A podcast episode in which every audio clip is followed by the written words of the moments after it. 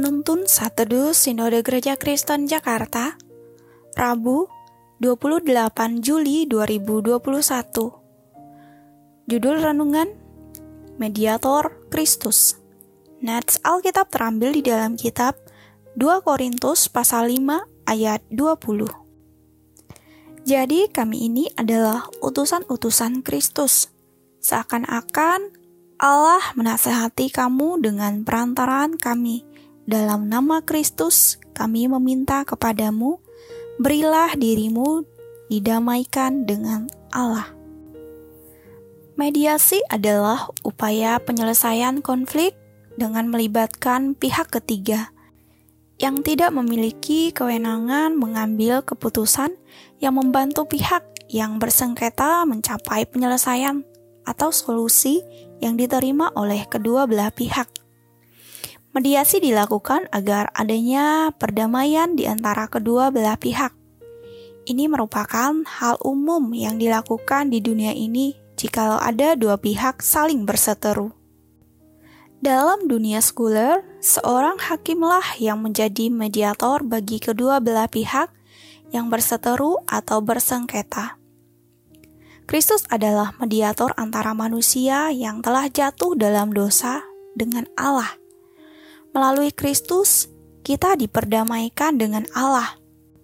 Rasul Paulus memaparkan bahwa ketika Kristus naik ke surga, dia mengutus murid-muridnya untuk memberitakan berita pendamaian. Kita yang telah diperdamaikan Allah melalui Kristus adalah utusan-utusannya.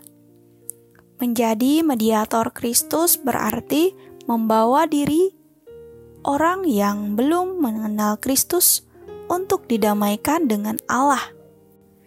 Ini berarti adalah tugas yang kita emban sebagai utusan-utusan Kristus.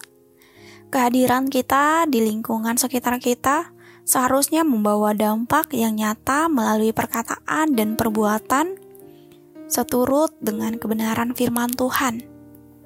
Bahkan, pada bagian ini menekankan bahwa seharusnya orang yang melihat kita seolah Kristus berbicara kepadanya. Dan pada akhirnya membawa dirinya memberi diri untuk diperdamaikan dengan Allah. Apakah keberadaan kita di dunia ini membawa dampak yang nyata sebagai utusan-utusan Kristus? Marilah kita dengan rendah hati hidup dengan benar sebagai utusannya di dunia ini, sama seperti Kristus sebagai mediator Bapa dengan manusia berdosa. Kita telah diperdamaikan dengan Bapa oleh Kristus Yesus. Kita telah dijadikan anak-anak Allah untuk membawa damainya. Amin. Terima kasih. Tuhan Yesus memberkati.